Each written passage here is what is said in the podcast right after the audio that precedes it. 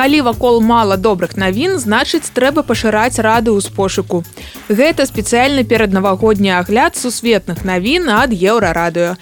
Тут з вами не здарыцца нічога страшнага а дзе чытаць страшныя навіны вы ведаеце і без нас. Дарэчы таксама на еўрарадыё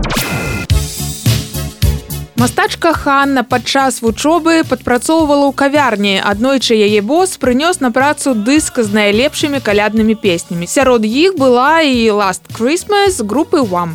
Ханна запэўнівае, што за адзін працоўны дзень песня гучала 111 разоў. Праз гады Ханна вырашыла адпомсціць песні і разам з мужам яны запусцілі збор сродкаў, распавядае мірар. Яны хочуць выкупіць аўтарскія правы і жыць з пэўнасцю, што больш ніколі не пачуюць гэтую песню.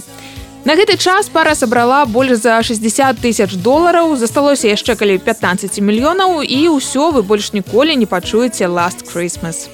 Гурт паабяцаў, што калі Ханна даб'ецца поспеху, то майстар запіс песні ад 84 -го года выкінуць на палігон ядзерных адходаў калі вы любіце гэтую песню не ўпадаеце ў роспач да таго моманту як Ханна назбірае яшчэ якіхсьці там 15 мільёнаў даляраў да гэтага часу вы паспееце паслухаць песню яшчэ як мінімум 111 разоў. Так аматары папулярных калядных песен нават калі Ханна дасягне жаданага у нас з вами застанецца мырая кэры.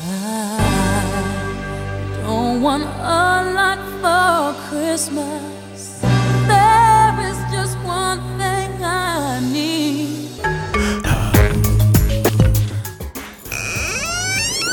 А ў ЗША афіцыянтка з невялікага штата Вісконсін пайшла папрацаваць у ранішнюю змену на каляды і атрымала тысячу долараў чаявых.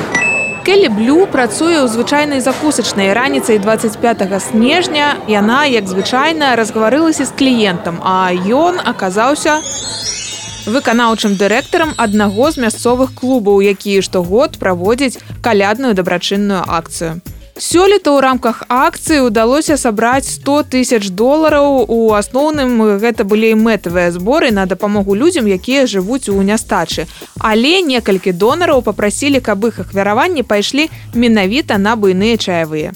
Келлі сказала, што ставілася да шчодрага госця гэтаксама, як да любога, хто заходзіць у кавярню, таму і не чакала такой узнагароды, А той, то бок госць быў уражаны яе прыязнасцю і гэта ў ранішнюю змену.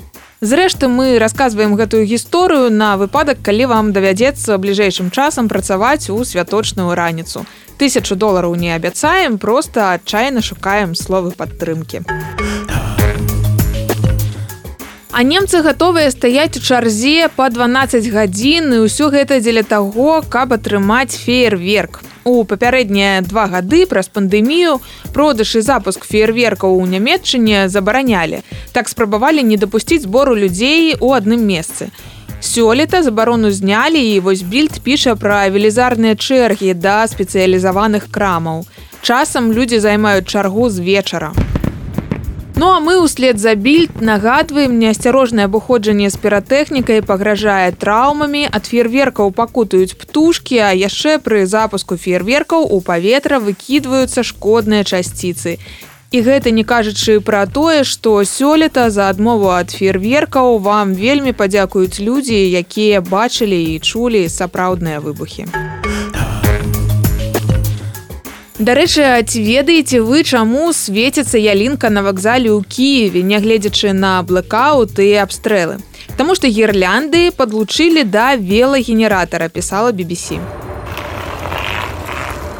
старшыня праўлення украінскай чыгункі александр камышын паказваў у твиттары як гэта працуе. Уласна кажучы менавіта так як вы сябе уявілі на вакзале усталявалі велатрэнажор а гірлянда загараецца калі хтосьці пачынае круціць педалі.